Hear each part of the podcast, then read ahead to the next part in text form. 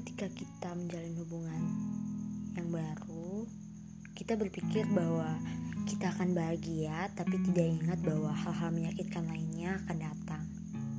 Hal-hal menyakitkan itu datang dari masa lalu pasangan kita, atau bahkan hanya karena kebiasaan mereka. Mungkin kebiasaan kita dengan pasangan kita berbeda, caranya menjalin hubungan dengan kita pun berbeda. Sebenarnya itu semua terpengaruh dengan bagaimana mereka dan bagaimana diri kita atau bahkan kebiasaan kita dengan orang-orang sebelumnya.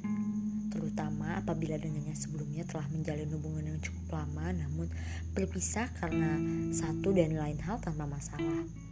Mungkin memori dan kebiasaan-kebiasaan itu cukup sulit hilang bahkan ketika kita telah menemukan cinta yang baru. Sehingga terus-menerus terbawa. Lantas, bagaimana ujungnya jika ini terus-menerus terjadi? Apakah kita harus terus-menerus memenuhi ego kita dengan kebiasaan lama kita, atau mengikuti kebiasaan hubungan pasangan kita? Atau haruskah memulai kebiasaan yang berbeda dan melupakan memori kebiasaan sebelumnya?